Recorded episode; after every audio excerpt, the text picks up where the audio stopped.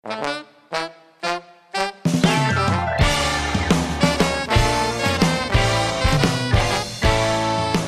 datang di Ber Podcast. Balik lagi sama kami berdua di Ber Podcast dan kali ini kita di episode 17. Episode yang ya kita perlu atau seseorang yang menginspirasi lagi nih kayaknya nih. ya Gimana, rasanya Yo? harus bintang tamunya nih. Nah. Udah lama kita nggak ada tamu lagi kan di segmen kita di berpodcast. Setuju banget gua. Nah, jadi dari dulu tuh kayaknya ini sesuatu yang bakal kita bahas sih. Iya. Kayak Dan rasanya asik bakal ngebahas ini di ya karena budayanya udah makin makin naik, makin hype juga kan akhir-akhir ini. nah, Apalagi artis-artis dan orang-orang yang setuju. Udah mulai ngelirik di hal yang bakal kita bahas ini gitu. Nah, jadi eh gini ya. Kayaknya kalau kita langsung bahas kayaknya atau kita tanya dulu deh. Jadi buat sobat berproses mungkin sebagian atau sebagian besar pastilah punya barang yang bisa dibilang itu barang thrifting ya atau kalau bahasa Pontianaknya apa yo? Lelong. Ya. Jadi semenjak ya kayaknya ya akhir-akhir tahun ini di tahun 2017, 18, 19, 2020 mungkin thrifting tuh semakin naik dan berkembang pesat hingga apalagi di saat ada Instagram ya. Nah, jadi yang Ya. bakal kita bahas kali ini adalah thrifting. dan Ya. kita bakal kedatangan tamu yang mantep banget nih pas banget pas kalau kita pengen ngobrolin tentang thrifting karena dia juga udah lama berkecimpung di dunia perthriftingan ini atau Mhm. persekonan duniawi ini Wih, kita kenalin dulu lah bintang tamu kita kali ini Capung Tempur halo Wah. apa kabar Bu? halo, apa kabar? Alhamdulillah baik bang. Kabar Ah. dompet aja yuk yang kurang baik yuk.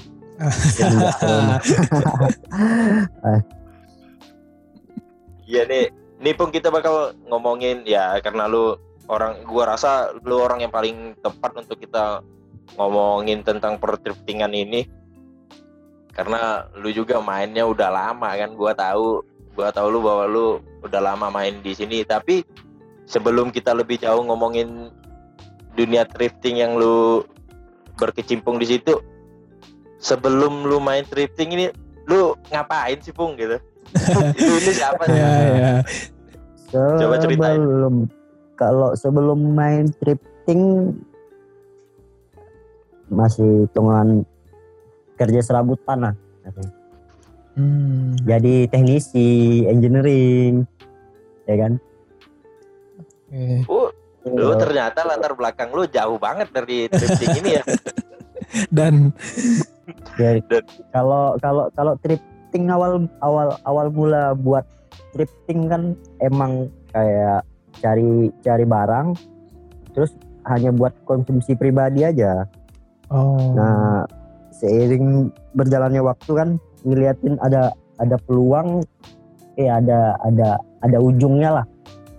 Ya kan masih bisa di, bisa dijual terus harganya lumayan. Sekalian sekalian jalan kerja sekalian nyari barang thrifting keasikan. Oh, gitu tuh. Nah, Jadi itu ya awal mula memilih bukan bis apa bisa bil- dibilang bisnis ya kalau kayak gini. Ah, berarti sebenarnya passion lu bukan di thrifting awalnya Bang ya. Ternyata setelah dijalanin ya ternyata asik-asik juga ya. ya ku- kurang kurang lebih lah. Sebenarnya kalau kalau dibilang fashion jauh. Ya, pada masanya kan kalau dibilang untuk fashion nggak ada orang yang mau mungkin sebagian orang em, berpikir kayak kayak gini nggak ada yang mau mau mau make barang second ya kan semua mau Oh, yang baru setuju. bagus ya kan masih Setuju, belum iya, ada iya. kepikiran kepikiran kepikiran buat make barang-barang second ya mungkin sekarang aja yang lagi musim musim musim thrifting jadi semua pada mau pakai barang-barang second barang-barang vintage tapi pada masa era zaman aku kan malu yuk Iya, benar sih, benar sih, emang benar. Waktu mungkin kita belum tahu ya kalau thrifting tuh ternyata bagus-bagus. Iya. Dan bisa ngasilin cuan. Nah, Ya. itu yang penting sih ya. Lu udah kira-kira udah berapa lama sih bang main ginian? Main dari tahun kalau untuk jualan ya dari tahun 2000 2014 15 Wah. sudah mulai. Gokil, 6 tahun Gokil gila. Gokil, gokil, gokil. Dan di corona kayak gini nih Pung, ada rasanya ada hambatan tersendiri nggak sih? Apa sih yang lu rasain sebagai ya drifting hunter lah kali? Kalau gua katain di corona Kalau- ini kan banyak banget Iya. kendala kan nggak nggak hanya sek- sektor lain mungkin sektor lu juga kena kan hal-hal kayak gini kan Mm-mm. Mm. Kalau aku bilang kendala semua anak-anak drifting punya kendala di masalah corona ini. Kalau aku yang terberat nggak bisa hunting. Hunting, hunting, hunting tipis-tipis lah kata anak-anak kan. Kalau nggak hunting online. Oh, kalau nggak oh, gitu. Nah kalau sekarang kan kalau mau keluar kan harus pakai masker sesuai protokol lah. berarti hunting hunting ini maksudnya definisi hunting di sini kayak gimana, Pung? Maksudnya lu nyari di eh, ada agennya atau apa gitu? Nah kalau sebelum sebelum corona ya sebelum Iya. corona aku hunting ya langsung ke toko-tokonya. Nah, kalau enggak langsung berangkat ke eh, Malaysia, ke Thailand. Wow, Waduh, gokil. oh, gila. langsung langsung ke ini ya, langsung ke tempat eh, pusatnya kali ya. Ya kurang lebih lah. Pusat Pasti. awal mulanya barang-barang secondan di sana. Berarti ngaruh banget kan karena adanya adanya apa Corona. karantina ayah pasti lu ngerasa banget kan ekspor impor kan karena barang yang lu apa yang lu cari kan barang Di ekspor luar impor negeri, kan. iya ya. Iya. Kalau kalau kalau pengaruhnya ini memang sangat sangat besar yuk pengaruh corona ya kan. Pertama kita bisa oke lah kita bisa hunting online nih eh, order barang dari dari Malaysia ataupun dari Thailand ya kan. Tapi Iya, nanti iya. kadang masuknya nggak bisa. Jadi ada negara-negara yang eh, ngelok kayak negara Indonesia nih kan termasuk eh, tingkat dampak corona kan besar Iya. di Indonesia ya kan. Iya. Jadi ada beberapa negara yang ngelok bahwa oh ini negara Indonesia nih jangan dulu nggak bisa buat penerbangan eh, segala macam apa kan. Jadi barang-barang kita yang kita order ketahan. Hmm. Nah kalau kalau dalam dunia bisnis uang uang satu juta aja nggak nggak mutar dalam satu bulan rugi ya kan. Iya, benar. Nah, Benar, benar. Emang ya dampak corona nih, wah, segala lini ya. Terus ada juga men sama, sama capung nih. Iya, gimana, gimana?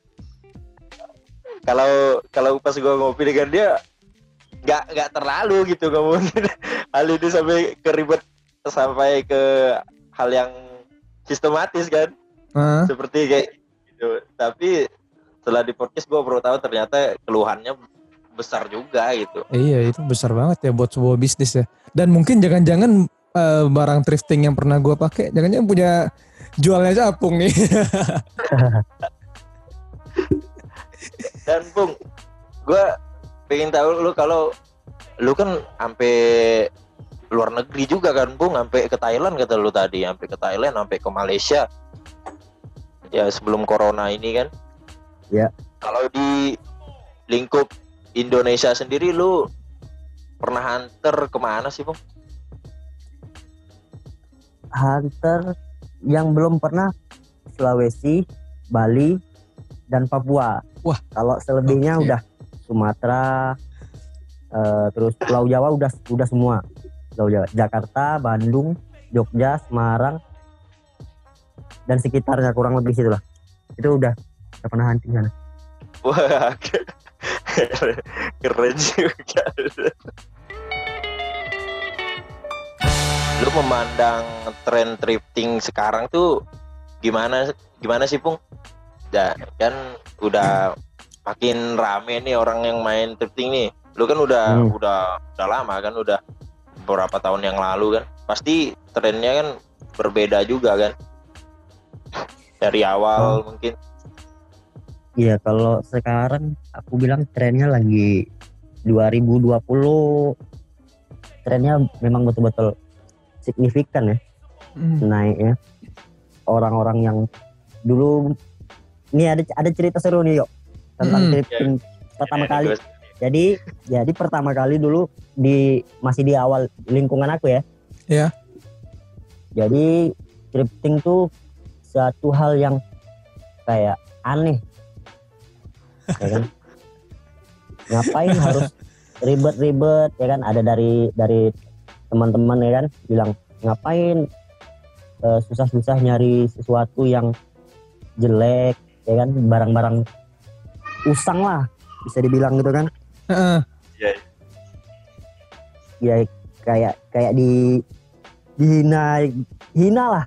Aku bilang hina lah ya kan? Karena mungkin belum belum paham ya kan dunia Hmm. dunia thrifting. Dia belum tahu ada ada profit di situ kan. Jadi berapa tahun ya kurang lebih? Dua tiga tahun lah. Jadi kalau eh, dulunya orang menganggap eh, thriftingnya sebelah mata aja Iya setuju setuju. karena mungkin nggak tahu ada profitnya mungkin ya kan Iya iya. orang iya. nggak tahu market market pasarnya orang masih belum tahu nah sekarang dengan berkembangnya teknologi sosial media ya kan sebentar aja udah langsung sold out. meledak sold out iya bener kalau kalau lu beli thrifting di Instagram kan thrifting kan pasti satu cuma satu satu pair satu pair gitu kan. Hmm. Kalau lu nggak cepet dan barang itu bagus tuh, wah bentar men udah udah udah sold out tuh. Apalagi misal kayak eh, akun Instagram ini yang hype gitu kan followersnya banyak terus ya udah udah udah recommended lah mm, bisa dibilang gitu ya kan dia mau jual apa pun pasti orang beli yakin gua. ya termasuk teman kita ini yuk. Ya. Lu, lu jangan bohong-bohong lu, Bung. Gimana profit ketika sudah mempunyai bisnis thrifting? Paling bisa senyum senyum aja ngeliatin orang yang dulunya apa ya nyinyir nyinyir Nah, iya. ya sekarang kita bisa senyum senyum aja dia belum nggak belum belum tahu ya kan dia belum tahu profitnya malah ada yang pernah dulu pertama-tama eh, kayak ngapain harus nyari-nyari barang Mm. gitu ya kan sekarang malah minta diajarin gimana sih cara jualan kadang Eh. ketawa aja kan dengarnya Konsistensi itu lah balas dendam terbaik ya, Bung ya. Yoi. Oh. Tapi gue penasaran juga sih. Jadi gini, ke- bisnis thrifting ya sama lah kayak bisnis fashion lain ya. Maksudnya kan lo menjual aparel kan, menjual sebuah kayak baju, kayak mungkin topi kan. Eh, bisa bertahan dengan bisnis yang menurut gue unik sih, karena kan lo mencari barangnya bukan dari perusahaan atau pabrik kan, lo mencari yang dari eh, agen-agen yang mungkin menjual thrifting ini. kan. barang-barang ah Iya. Jadi eh, gimana maksudnya capung tempur ini bisa bertahan di enam tahun ini, men? ya kalau dibilang bisa bertahan ya kan balik lagi ke masing-masing orang ya kan Mm-mm.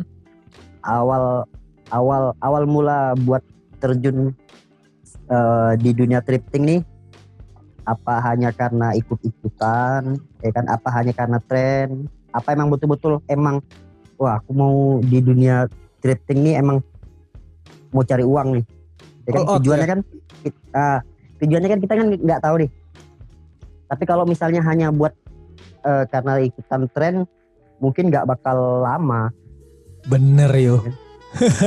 Tujuan sih ya awalnya ya. Iya tujuannya Dan Bung, gue pengen nanya nih, latar belakang lu engineer kan Iya.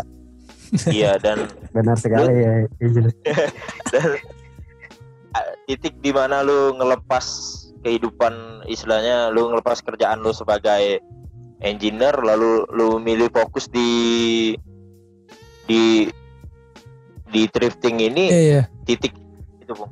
Karena menarik sekali ya. Bisa ya keluar dari zona nyaman lah ya. Berbisnis itu susah men. Iya men, karena gue pikir kan kalau dia udah udah ngelepas Mm-mm. yang istilahnya kehidupan yang lama itu itu kan keputusan besar dalam Iya, hidup iya, juga iya. menurut gimana tuh Pung? gimana Bung? Ah, awal awal mulanya aku buat ngelepas jadi seorang wih, jadi seorang engineering ya kan menjadi seorang drifting ya karena awal mulanya kan aku kan suka yang namanya buat jalan-jalan ya kan Hmm. berburu cari barang nah gitu kan. Jadi asik aja yuk. Eh, jalan-jalan ya kan. Terus seiring jalannya waktu aku nemu barang yang nilai nilai jualnya tinggi yuk. Apa tuh? Apa tuh? Ya, kayak pernah dapat jaket gitu kan. Kaos. Itu bisa buat eh ini hunting nih dari kota satu ke kota lain ini bisa buat jalan-jalan Oh. hanya karena jual jaket jual kaos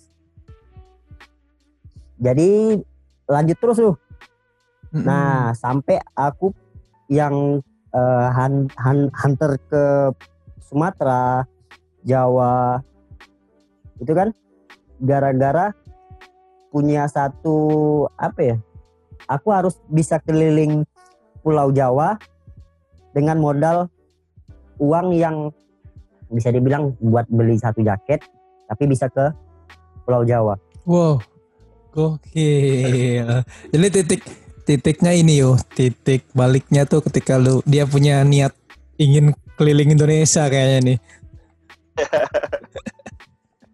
Terus iya ya, gue gue tertarik dengan ini yo, kayak yang tadi dibilang eh, ada harga eh, eh, pernah dapat barang dengan harga tinggi kan. Nah, gue nanya nih, paling tinggi jual berapa? Bebas deh barang apa pun. bebas deh barang apa satu item lu paling tinggi jual jual itu- barang berapaan tuh Bung? dulu Pernah. dua pernah jual masih pertama kali aku kan eh, di Instagram aku hanya ngejual sepatu Mm-mm. untuk barang-barang vintage kayak aparel kayak pakaian terus celana jaket gitu kan hanya buat eh, konsumsi pribadi yuk Hmm. Jadi waktu itu aku ke daerah ke Pulau Jawa lah aku hunting terus dapat jaket aku jaket vintage yang tahun 90-an Oh. terus aku lihat market pasarnya orang masih ngejual di angka 1000 sampai 1200 dolar Gokil.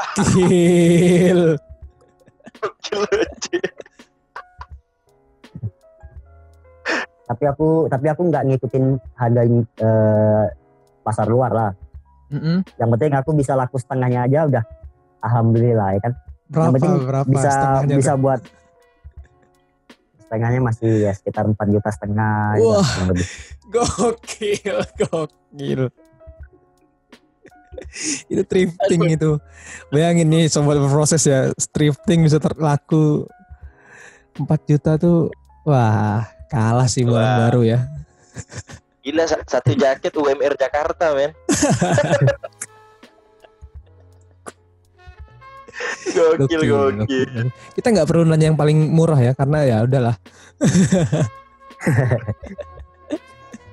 yang paling murah itu harus hunting ya cari barang yang se- semurah mungkin jual semahal mungkin ya Nah. itu prinsip dah udah yang, Itu- yang penting be- bekas jadi beras ya Bung ya.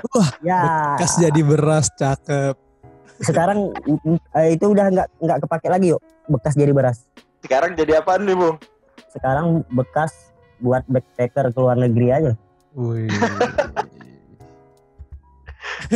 Dan dan gue pengen cerita nih, Pung.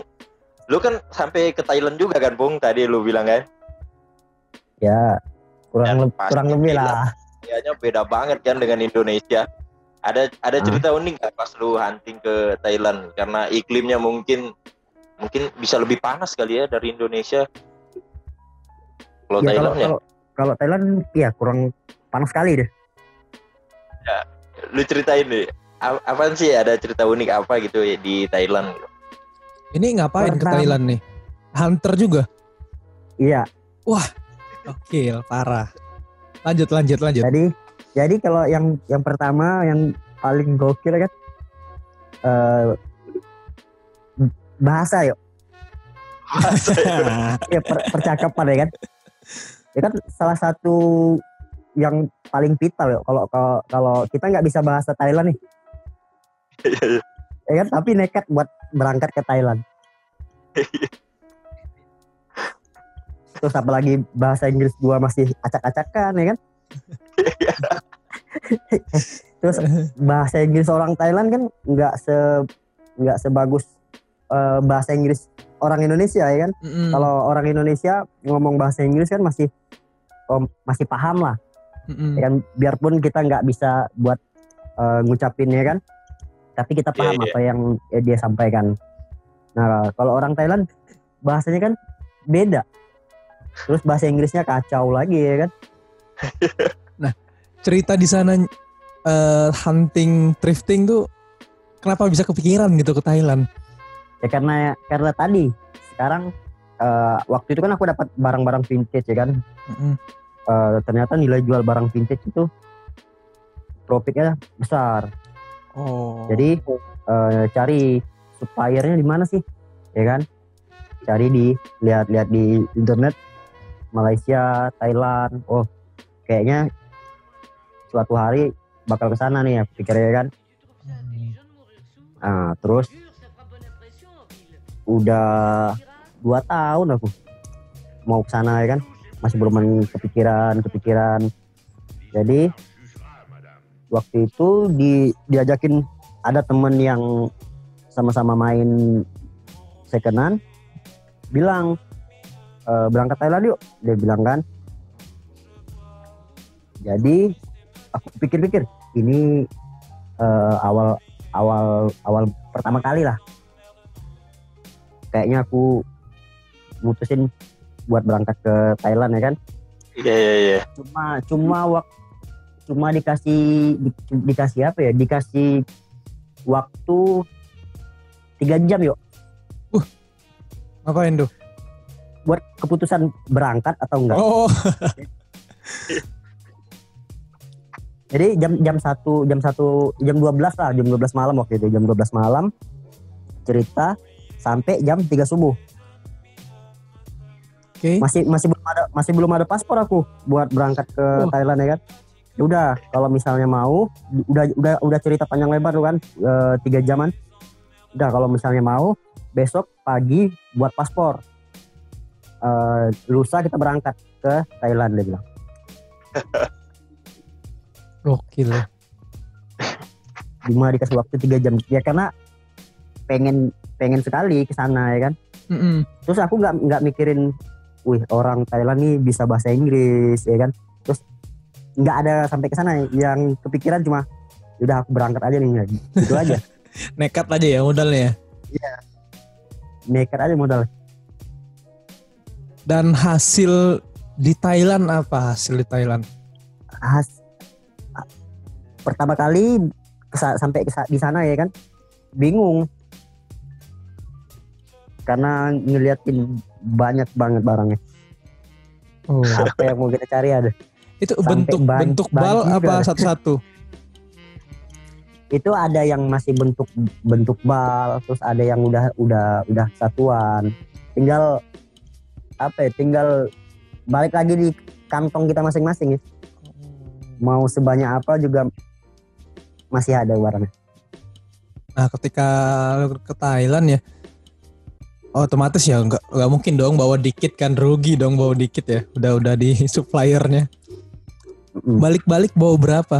Habis berapa deh? Habis berapa aja dulu deh.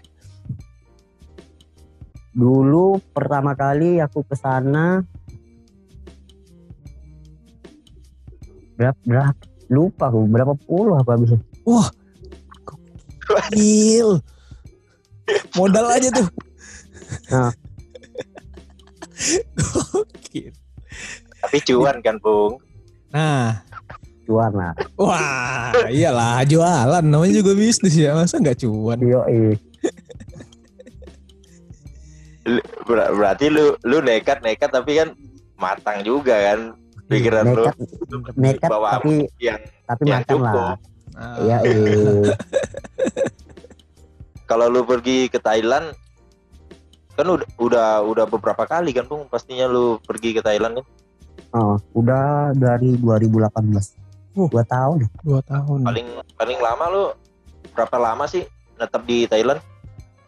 Di Thailand nggak lama ya 10 hari kan 10 hari. Di orang kerasa juga sih min. Liburan juga sih men ya kalau kalau buat hunting paling empat hari lima hari ya kan? Lima harinya jalan-jalan. Kalau Iya. gua lihat-lihat nih ya, Instagramnya Capung Tempur nih, followersnya gila sih ya. enggak lah Udah trusted. Ini baru ini baru trusted nih. pengen cari barang terpentingan mungkin bisa cek IG-nya @capung underscore tempur ya Bung ya Wah, ya, eh. gokil. tapi mungkin mungkin tahun depan lah mungkin baru normal aktif jualan karena sekarang lagi sepi jualan jadi malas buat posting Iya, iya, iya. Emang pandemi sangat berdampak ya. mengganggu sekali pandemi Nah, kita ngomong-ngomong Instagram Capung Tempur nih.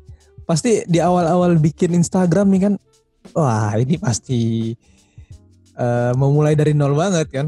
Iya. Dan kayaknya ya mungkin dulu eh dulu mungkin ya di 2014 waktu mulai atau 2015 Instagram tuh belum se eksistensi ini men. Apalagi ketika sih iya Iya, ketika Iya, lu belum. beli beli barang online tuh pasti orang tuh bakal mikir banget. Wah, bener apa enggak nih? Apalagi nggak COD kan. iya ya sih Nah, waktu awal-awal itu ngebangun brand ya, brand kita bilang brand ya. Capung Tempur tuh kayak gimana, men? dan kepikiran nama capung tempur juga tuh Wah, iya sih. Nama Kenapa? panggung ya. Nama Oh, panggung. ya, nama nama nama panggung awal awal mulanya buya itu gimana? Eh, aku ya jalan-jalan aja lah sih posting-posting aja maksudnya kan. Udah kalau rezeki nggak ke mana ya kan? Terus Wah, eh, cari cari referensi oh berapa sih harga jualnya ini, ini gitu kan? Kayak sepatu ya kan? Eh, Hmm. pakaian ya kan? Masih lihat-lihat lah. Karena sebelum sebelum jualan di Instagram jualan di eh ngecek di Facebook juga karena awal mula jualan orang-orang thrifting ini kan di Facebook mm-mm. ada grup gitu ya. mulanya. Nah, iya kurang eh, kayak gitu di grup masuk di grup grup-grup second gitu kan. Eh ngeliatin barang, oh jualnya segini, tanyain nanya-nanya juga berapa. Ya kan sebelum jadi penjual kan, jadi pembeli dulu. Ya, survei dulu ya. Nah, karena buat konsumsi pribadi jadi masih masih belanja online lah awal mulanya kan. Mm-mm.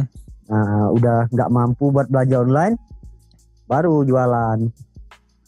Terus di di sini di, di tempatku ada gitu yang ngejual barang-barang secondan. Terus oh ada ada profitnya nih. Masih iseng-iseng awalnya kan. Heeh.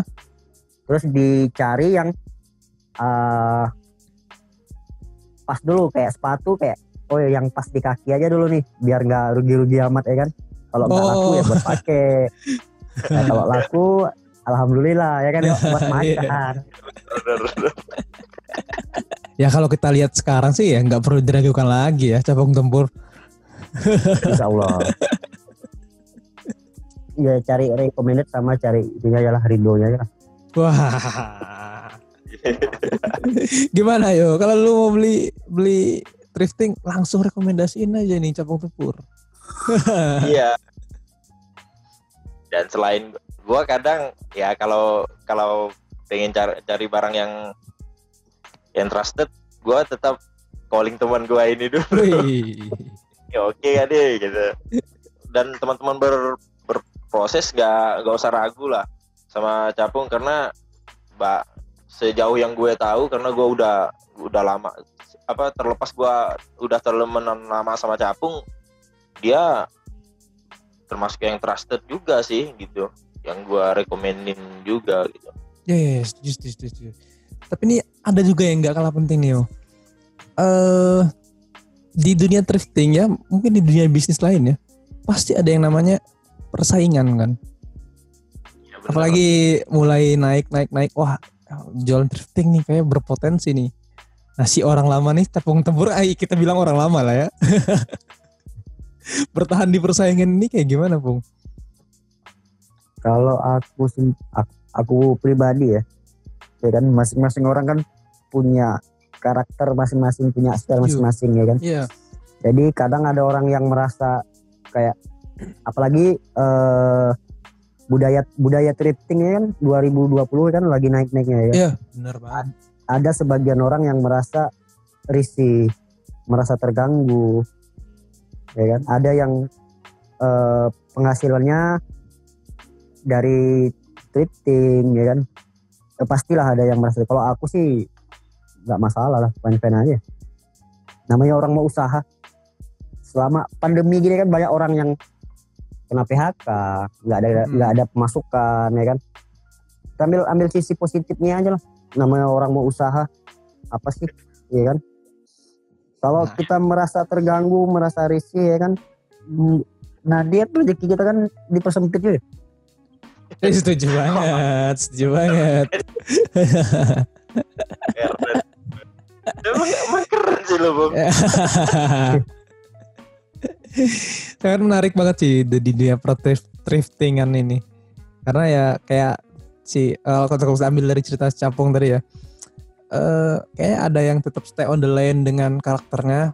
Mungkin Capung tadi karakternya vintage kan dan eh jual sepatu atau jual jaket gitu. Itu tuh emang dikonsepkan apa gimana ya Pung ya? Di dunia thriftingnya nggak sebenarnya nggak ada nggak ada kayak eh, Segmen, Dia segmen. punya ah, segmen pasarnya itu luas ya kan. Mm. Dia punya masing-masing punya punya punya kultur masing-masing lah aku bilang. Jadi ada yang lagi tren vintage ya kan. Terus kayak workwear, vintage militer ya kan. Terus setelan-setelan hype yang sekarang-sekarang Ah, hype beast ya. kayak hype, abis ya. Jadi punya market pasar masing-masing. Oke, berarti di di lo sendiri marketnya vintage atau gimana?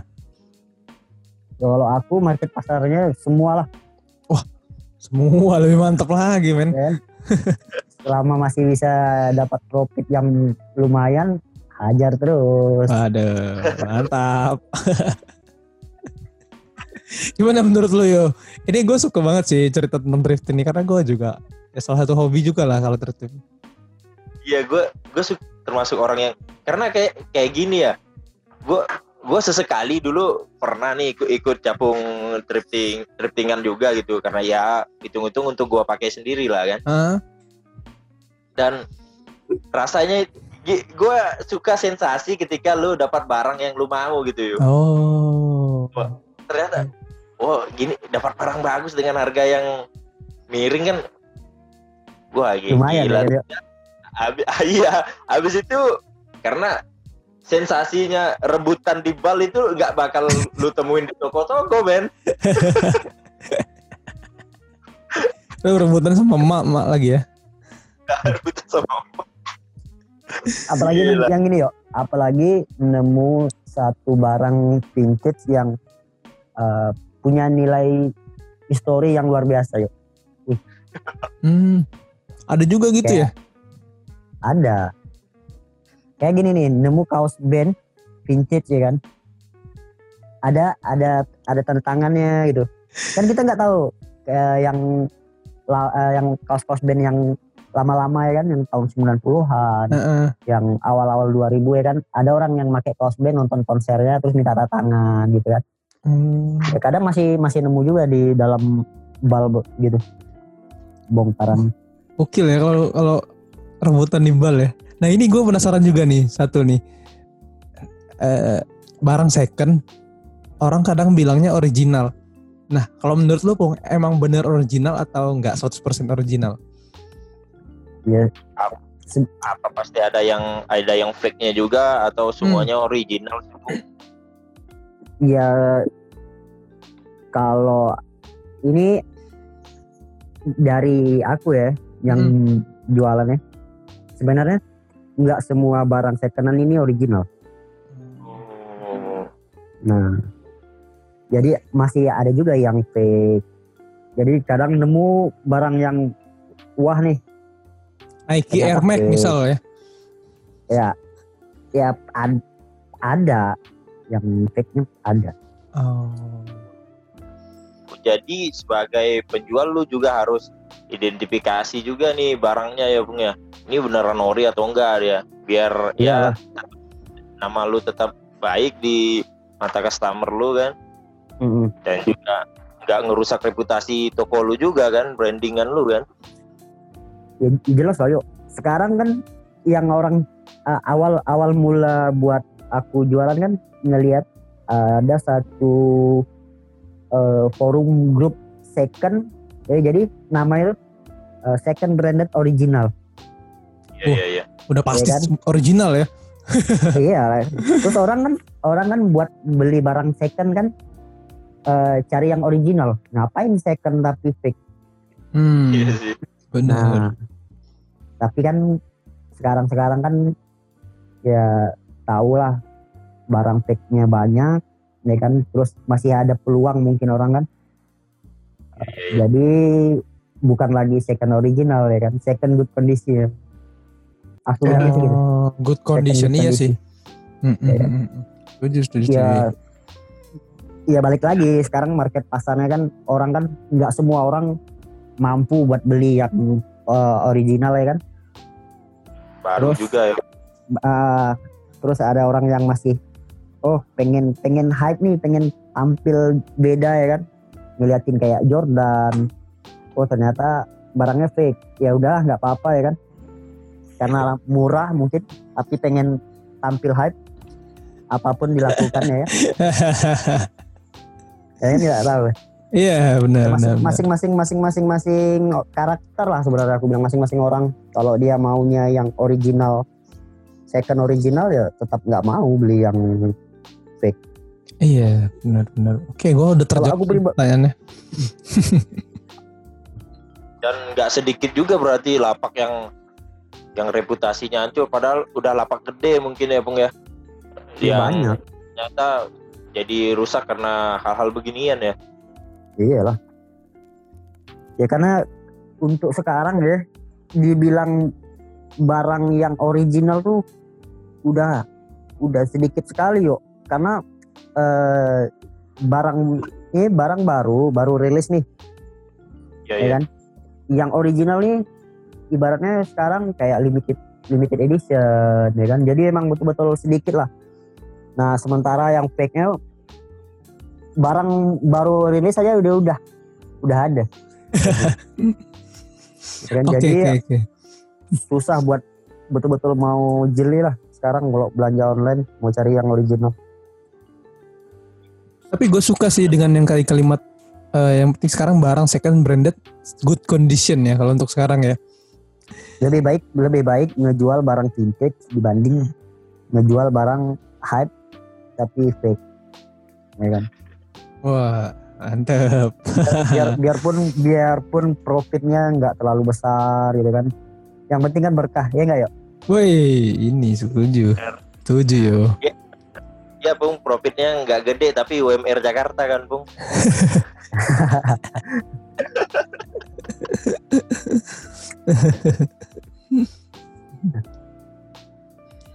Nah, ini- Nih, nih lagi nih, gue penasaran lagi nih yo. Mungkin ini buat sobat proses ya sebuah hal yang penting ya, apalagi yang ketika orang yang pengen berbisnis ya. Gue selalu menanyakan tipsnya buat kita memulai bisnis nih. Selain tadi lu bilang emang seneng dengan thrifting, mungkin ada tips lain nggak gitu? Ya. Kalau kalau untuk tipsnya jualannya gini ya kan, ya balik lagi ke orangnya. Kalau emang ikut-ikutan ya pasti nggak bakal bertahan lama lah. Tapi kalau emang betul-betul dari sesuatu yang dimulai dari hati, emang emang kayak, oh aku suka nih sama dunia thrifting, udah kena sekali lah, ya kan? Didalamin lagi, ya kan?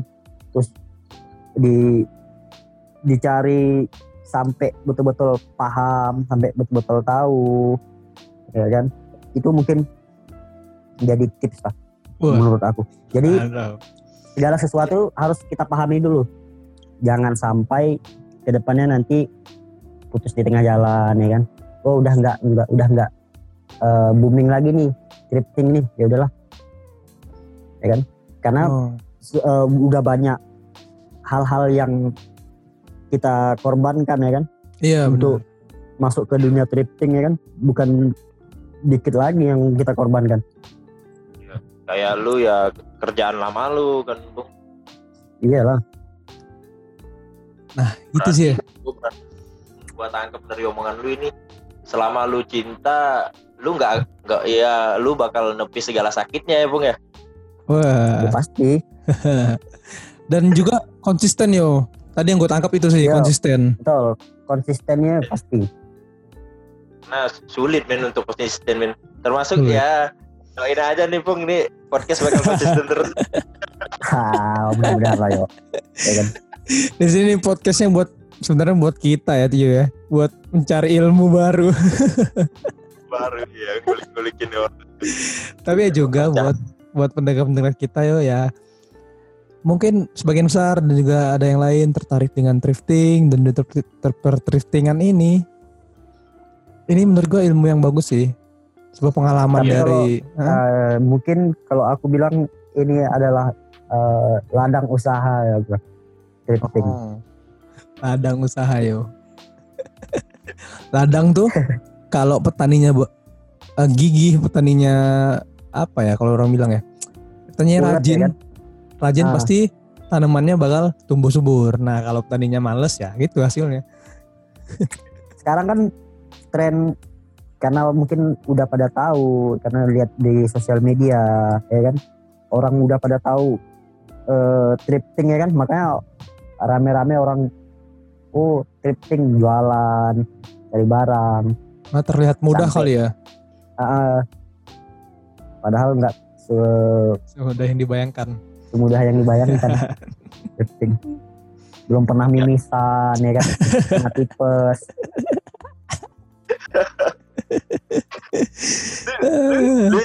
Pernah mimisan kan bung gara-gara thriftingan ini.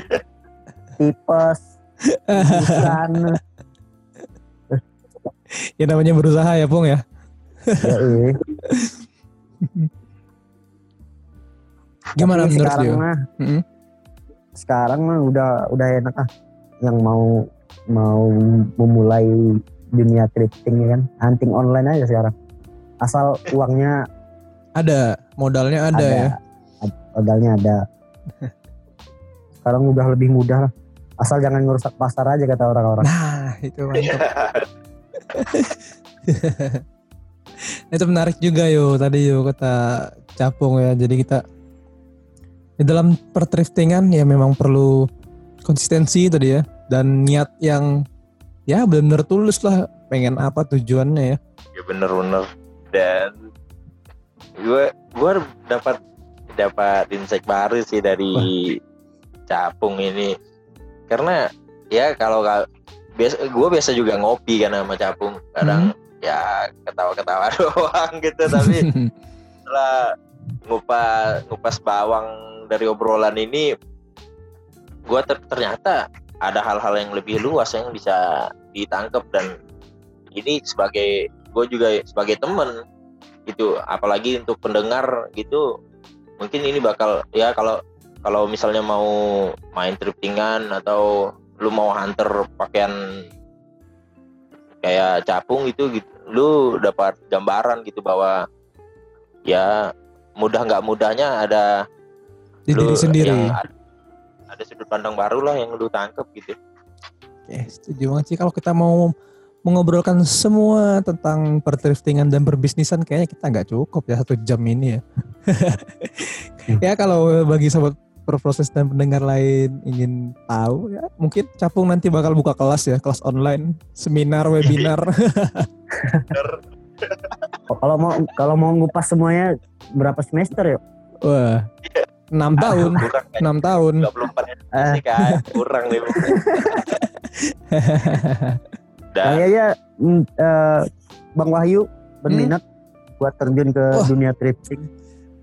Kayak berminat sih setelah dari cerita kayak gini Profitnya eh, kan profitnya lumayan lah. U- U- UMR UMR Jakarta ya kan yuk. wah UMK Jakarta ya. siapa sih yang nggak tertarik ya kayak abis ini gue bakal webinar sih sama Capung yo Oh, boleh boleh. Wah gue Ya. mendapat insight baru banget yo. Jadi gimana nih? Ya, gua- kesimpulannya apa nih dari pembicaraan kita kali ini yo?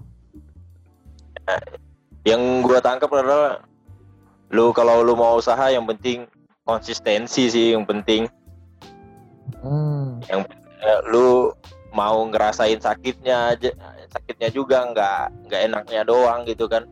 Apalagi di triptingan kan di triptingan lu lu nggak tahu aja tuh sensasinya tarik tarik menarik baju sama Mama.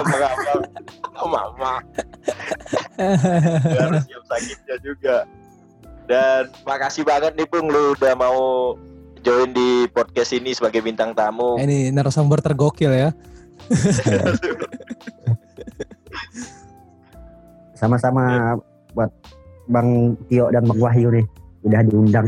Siap. Ini salah satu eh, topik pembahasan yang menurut gue menarik banget sih. Iya benar, menarik banget dan teman-teman kalau sekali lagi dengerin podcast ini dan kalau mau cari tertingan jangan lupa ke @capung underscore tempur ya bung ya. Di Instagram. Dari Mantap. Instagram. Dan makasih banget sekali lagi Bung dan teman-teman untuk teman-teman semua semoga kalian sehat-sehat semua. Gua Satrio Widodo. Gue Wahyu Ramansyah. Selamat malam, selamat Sampai- siang, sampai jumpa. Berikutnya.